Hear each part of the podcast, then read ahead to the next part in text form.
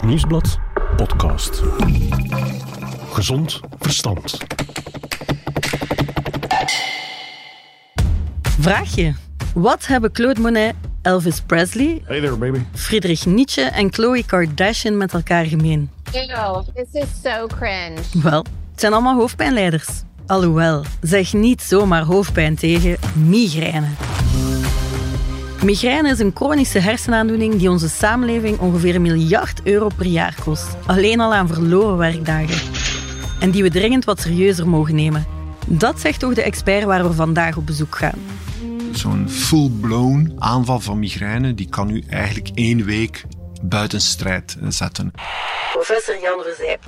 Neuroloog en kliniekhoofd van de hoofdpijnkliniek aan het UZ Brussel. En voorzitter van de Belgian Headache Society.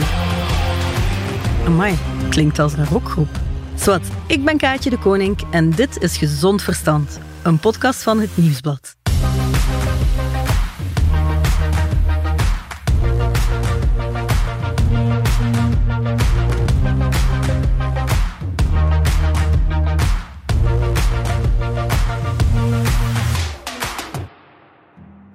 Er zijn er veel dus, migraineleiders.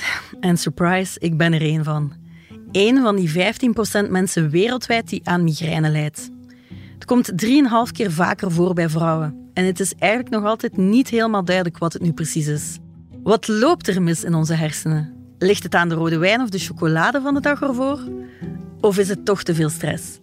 De vraag van vandaag: wat veroorzaakt migraine en kun je een aanval voorkomen?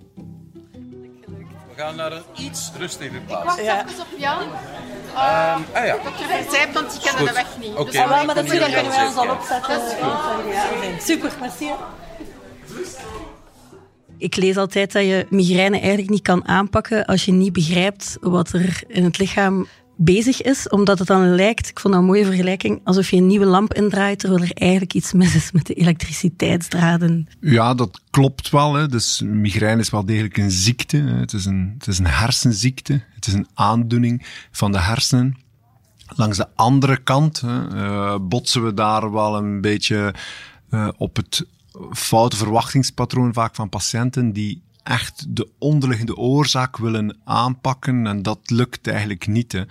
We weten wel veel over migraine, maar waarom de patiënt die voor ons zit op dat moment of gewoon af en toe migraine heeft, eh, die oorzaak vinden we niet. Het is een combinatie van omgevingsfactoren en genetische voorbeschiktheid. Maar waarom die ene individuele patiënt migraine heeft en de andere niet, daar vinden we eigenlijk nooit een reden voor. Maar dat er iets fout is in het lichaam, dat, eh, dat ja, staat 100% vast. Het is inderdaad een combinatie van het, een sputterende motor als het ware, een soort van overgevoeligheid van de hersenen, die in overdrive gaan, eh, maar de energie niet kunnen aanleveren om dat te verwerken, waardoor dat er een aanval van migraine ontstaat. Dat is een beetje kort gezegd wat er fout gaat. hè.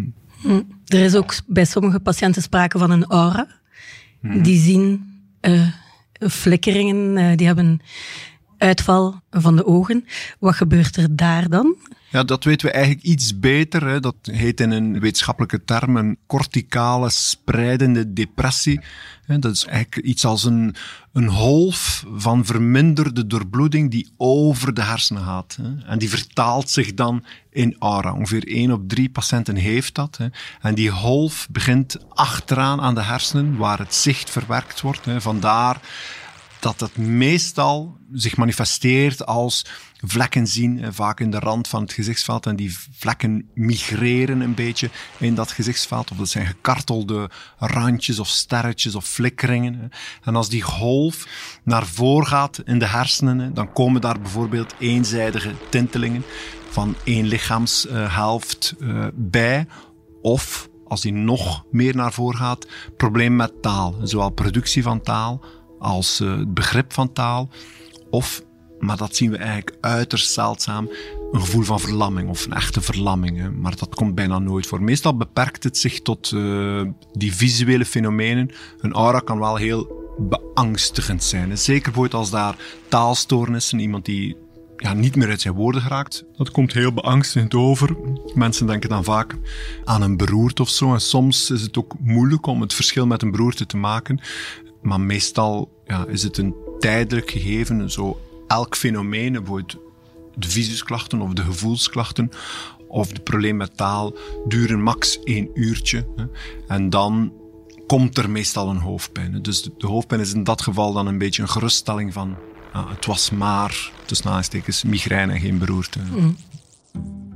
Hij zet het tussen spreekwoordelijke aanhalingstekens, die maar. En gelukkig, want anders had ik hem wel even, helaas dus uit eigen ervaring, moeten tegenspreken. Ik ken dus die aura's en ik heb er zelf vaak last van. Het enige voordeel is dat je de migraine dus inderdaad voelt aankomen. Maar er is dus nog altijd niet evenveel begrip voor. Migraine wordt soms weggewuifd als gewoon kopijn. Niet zo bij professor Verzijpt, die als kind zelf aan migraine leed, maar eruit groeide. Want dat kan. En het zorgt ervoor dat hij ook heel goed weet waarover hij spreekt als hij vertelt hoe een typische migraineaanval voelt. Een klassieke aanval van migraine zijn er een aantal kenmerken. Enerzijds wat betreft de hoofdpijn zelf en anderzijds wat wij noemen geassocieerde klachten.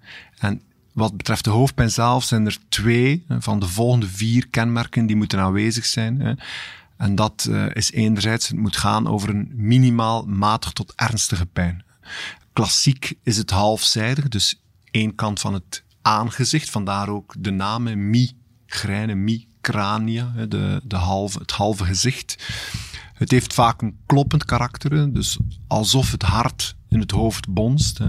En als vierde kenmerken, hè, er is een relatie met fysieke inspanning, waardoor mensen het zij fysieke inspanning vermijden of het zij, het wordt erger bij fysieke inspanning. Dus twee van die vier kenmerken moeten aanwezig zijn en dan heb je al voldoende wat betreft de hoofdpijn zelf. En dan moet er dus minimaal één geassocieerd symptoom zijn. Hè. En er zijn er twee. Dat is misselijkheid, al dan niet met braken. En het tweede is licht, gevoeligheid aan licht en aan geluid. En als één van die twee of allebei aanwezig zijn, dan is het klassieke migraine. Dan noemen we dat migraine. Maar er hoeft niet alles aanwezig te zijn. En de ene keer zijn het die twee criteria, de andere keer zijn de andere twee criteria. Vandaar dat migraine in zoveel verschillende vormen kan voorkomen. Dus waardoor je soms zelfs een beetje competitie krijgt, als het ware, tussen migrainepatiënten, dat de ene ja, het veel invaliderender heeft dan de andere.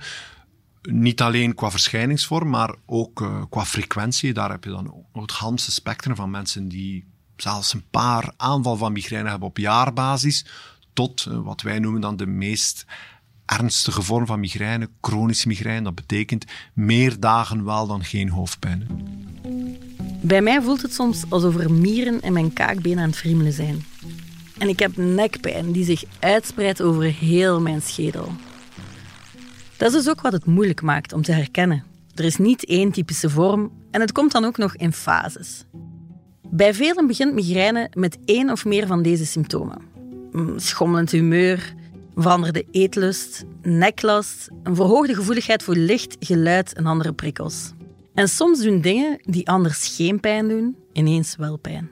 Bijvoorbeeld het kammen van het haar kan plots pijnlijk worden. Eh, sommige patiënten zullen bij een aanval van migraine geen bril dragen. Hè, of hun haar niet wassen of zo. Gewoon banale Alles- alles is zaken die, veel. die Ja. pijnlijk worden Ja. eigenlijk. En het hangt er een beetje vanaf wat meer naar de voorgrond eh, komt, eh, hoe patiënten dat dan eh, beschrijven. hè. We zeiden het al, migraine kent veel fases die bij iedereen anders zijn. Vaak begint het met de waarschuwingsfase of prodromale fase. Dan gaat het over naar de aurafase. Dan de o heerlijke hoofdpijnfase. En alsof dat, dat nog niet genoeg is, is er ook nog de herstelfase. Ja, dus dat is die postdromale fase. Hè. Dus eh, vandaar dat eigenlijk een, als je dat eh, uitspreidt, zo'n full-blown aanval van migraine, die kan u eigenlijk één week buiten strijd zetten.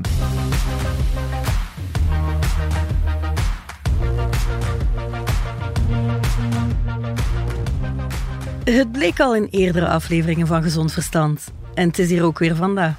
Er is een groot verschil tussen mannen en vrouwen. Ja, is ongeveer eh, drie vrouwen voor één man. Om en rond, dus de eerste menstruatie tot uh, menopauze. Dus voor de eerste menstruatie is jongens ongeveer gelijk aan meisjes. Hè. En dan nemen meisjes een vlucht. En na de menopauze, omdat veel dames het dan verliezen, hè, komen jongens terug meer in de buurt. Hè. Het is een van de weinige ziektes die beter wordt met het ouder worden. Ze hebben lang beweerd dat migraine iets psychosomatisch was en dat het vooral iets was voor hysterische vrouwen. Dat idee is gelukkig ondertussen wat bijgesteld, al zijn er vrouwen die last hebben van hormonale of menstruele migraine. Alsof die maandstonden nog niet erg genoeg zijn. Maar wat zowel voor mannen als voor vrouwen vervelend blijft, is dat het zo onvoorspelbaar is.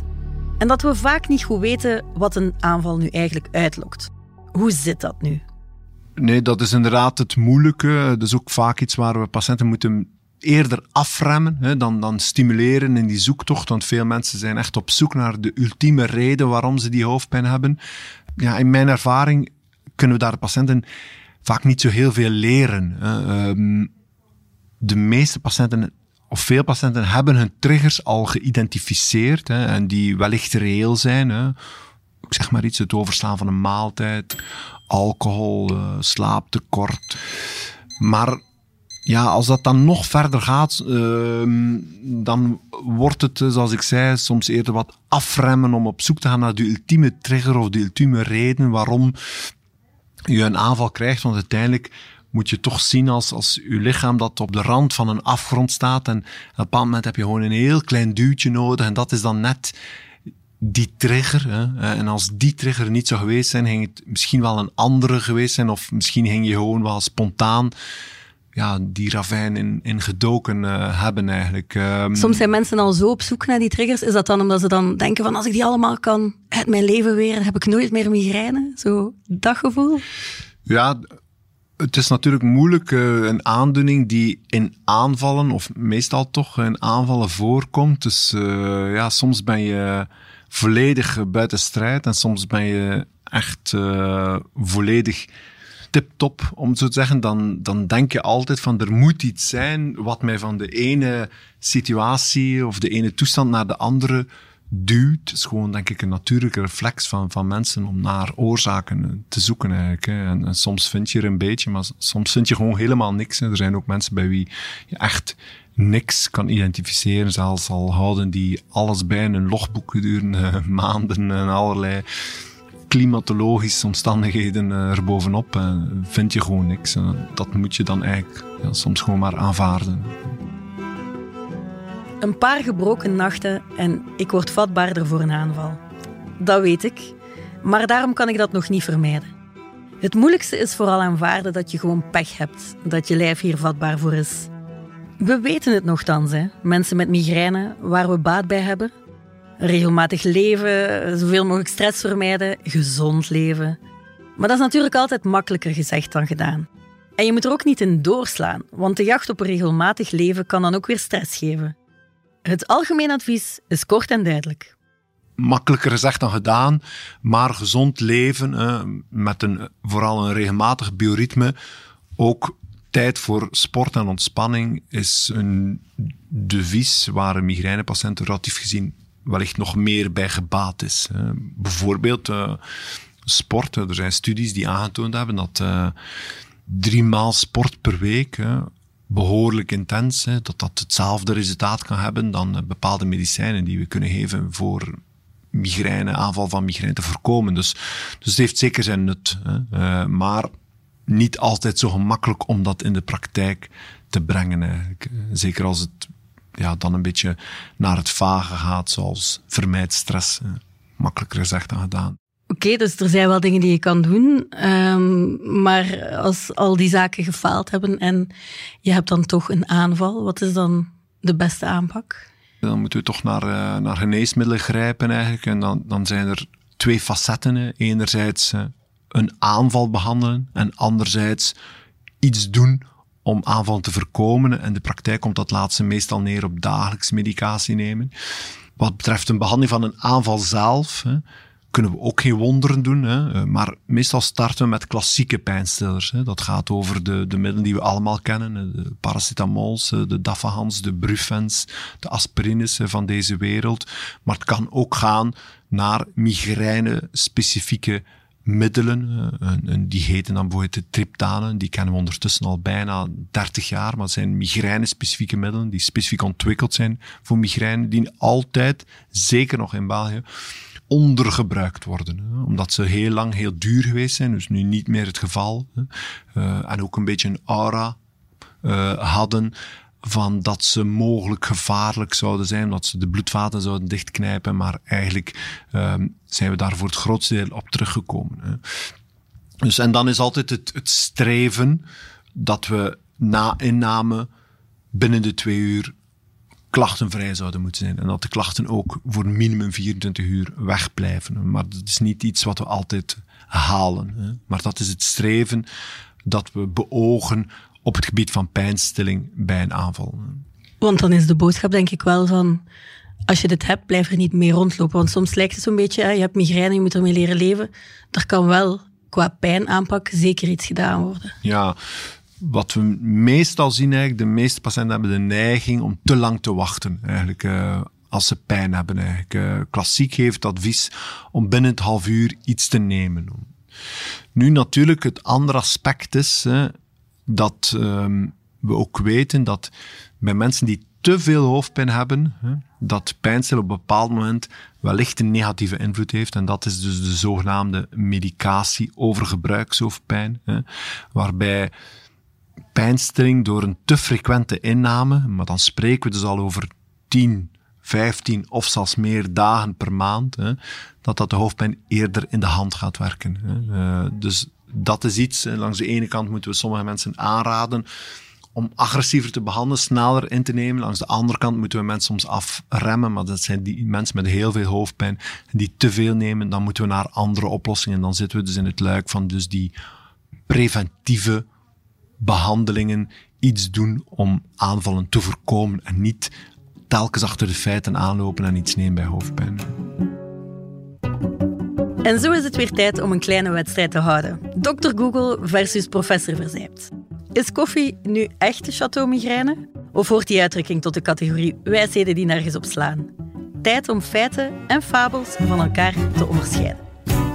Mag ik nog chocolade eten als ik last heb van migraine? Nee, dat is inderdaad, wordt toch meer aangenomen dat het een fabel is. Ik ben altijd op mijn hoede om dat echt zo als in steen gebeiteld eh, voor te stellen. Maar wat betreft chocolade heeft men echt onderzoek gedaan om mensen chocolade te geven hè, bij mensen die vermaalden dat ze migraine kregen van chocolade. En dat bleek dat toch niet zo evident te zijn. Hè. Wellicht heeft het toch te maken met het feit dat er een, een, een andere eetlust is, zoals zwangere dames eh, ook een andere eetlust hebben, soms tijdens een zwangerschap, eh, dus voorafgaand aan die hoofdpijnfase. En dat men dan vaak grijpt naar zoetigheden, bijvoorbeeld chocolade, dat dat dan foutieflijk als een trigger gezien wordt. Dus ja, dat is toch een beetje de algemene consensus in de wetenschappelijke wereld, dat het niet echt een trigger is. Maar ik hou een beetje een slag om de arm. Ja. Hebben koffie en migraine een relatie? Koffie is nog moeilijker, eh, de relatie, omdat koffie heeft dan ook nog eigenlijk een, een hoofdpijnentiteit op zich. Mensen die gewoon zijn om koffie te drinken en die dat dan overstaan, die krijgen hoofdpijn van een koffie te missen. Dus dat heet cafeïne-onttrekkingshoofdpijn. Dat is eigenlijk een banale hoofdpijn die eenvoudig te voorkomen is door gewoon weer koffie te drinken eigenlijk. Eh, Dus als je dat nu gewoon bent. Hè. Dat is één. Een tweede zaak is dat koffie in verschillende pijnstillers zit. Hè. Dus eh, gewoon de banale pijnstillers die je zo kan verkrijgen bij de apotheek. Daar zit koffie in. En we weten dat koffie een pijnstiller zoals paracetamol of, of aspirine kan versterken. Dus cafeïne werkt niet pijnstillend aan zich, maar het, het versterkt wel een andere pijnstiller. Hè. Dus dat is dan nog een tweede geven, waardoor de relatie met hoofdpijn en migraine moeilijker is. Eh, of koffie echt een trigger is, eh, wellicht niet. Migraine zou meer oestrogeen genomen worden als het vaker bij mannen zou voorkomen. Ja, als man eh, ben ik verplicht om dat te ontkennen. uiteraard. ik, ik weet het niet, ja. Wellicht wel. hè. Anderzijds ehm, is er ook een hoofdpijn, clusterhoofdpijn, die dat het een beetje het, omgekeerde is als het ware. Dat komt eh, ja, drie keer meer voor bij mannen. Is ook wel wat eh, onbekend eh, in de algemene bevolking. Dat heeft dan natuurlijk ook mee te maken met het feit dat het zeldzamer is, waardoor dat het moeilijker herkend wordt. Maar ook die mensen eh, lopen soms heel lang ja, met een foute diagnose rond, eer ze een correcte diagnose krijgen. Maar bon, het, het stigma is daar misschien wel minder omtrent die aandoening. Ja, dus eh, ik ga je wellicht gelijk geven wat betreft eh, de uitspraak.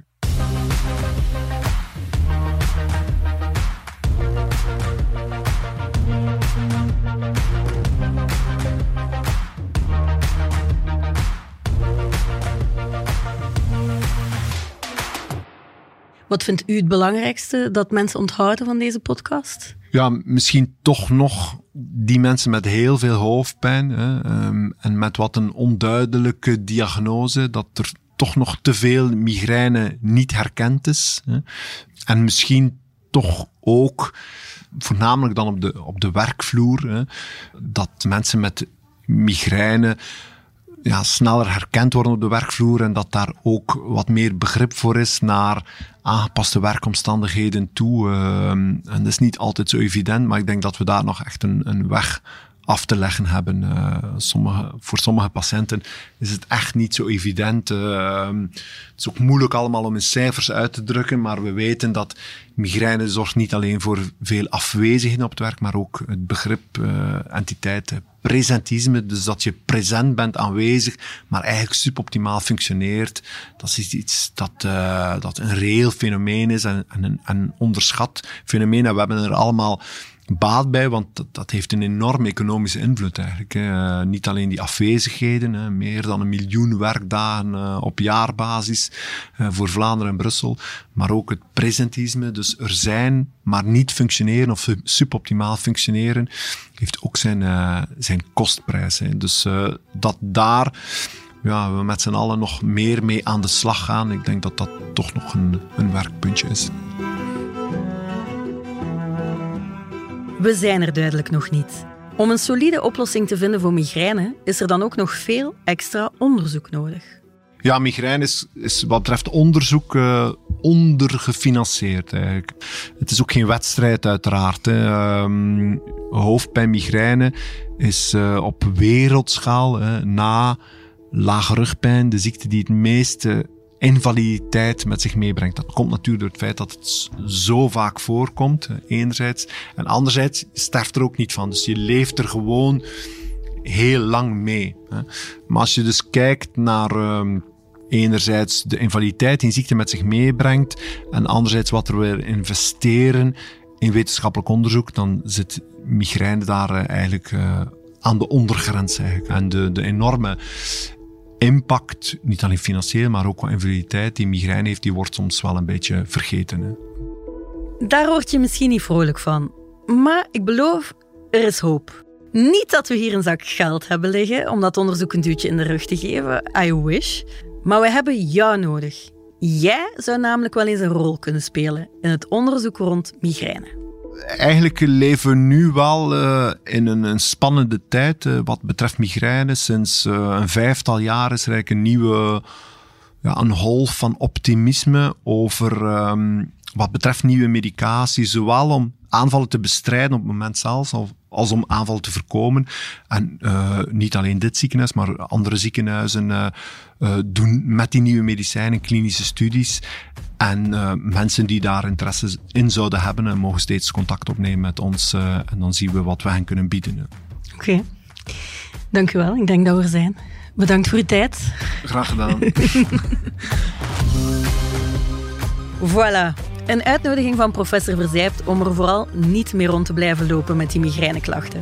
Het is een heel sympathieke man, dus als je op zijn uitnodiging wil ingaan, doe dat dan via onze mail. gezondverstand.nieuwsblad.be Ook deze week zijn we dus weer wat wijzer geworden. Over migraine, die niet zomaar hoofdpijn is, maar een echte hersenaandoening die je hele systeem in de war gooit. Het valt nog niet te genezen, maar hopelijk had je wel iets aan deze aflevering. En misschien nog wel het beste nieuws: just eat the damn chocolate.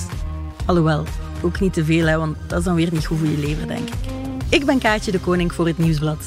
Een dikke merci aan House of Media voor de muziek en de montage en aan Joni Keimolen en Nathalie Del Porto voor de productie. Zeg, iemand nog een dafalganneke? Tot de volgende Gezond Verstand, hè.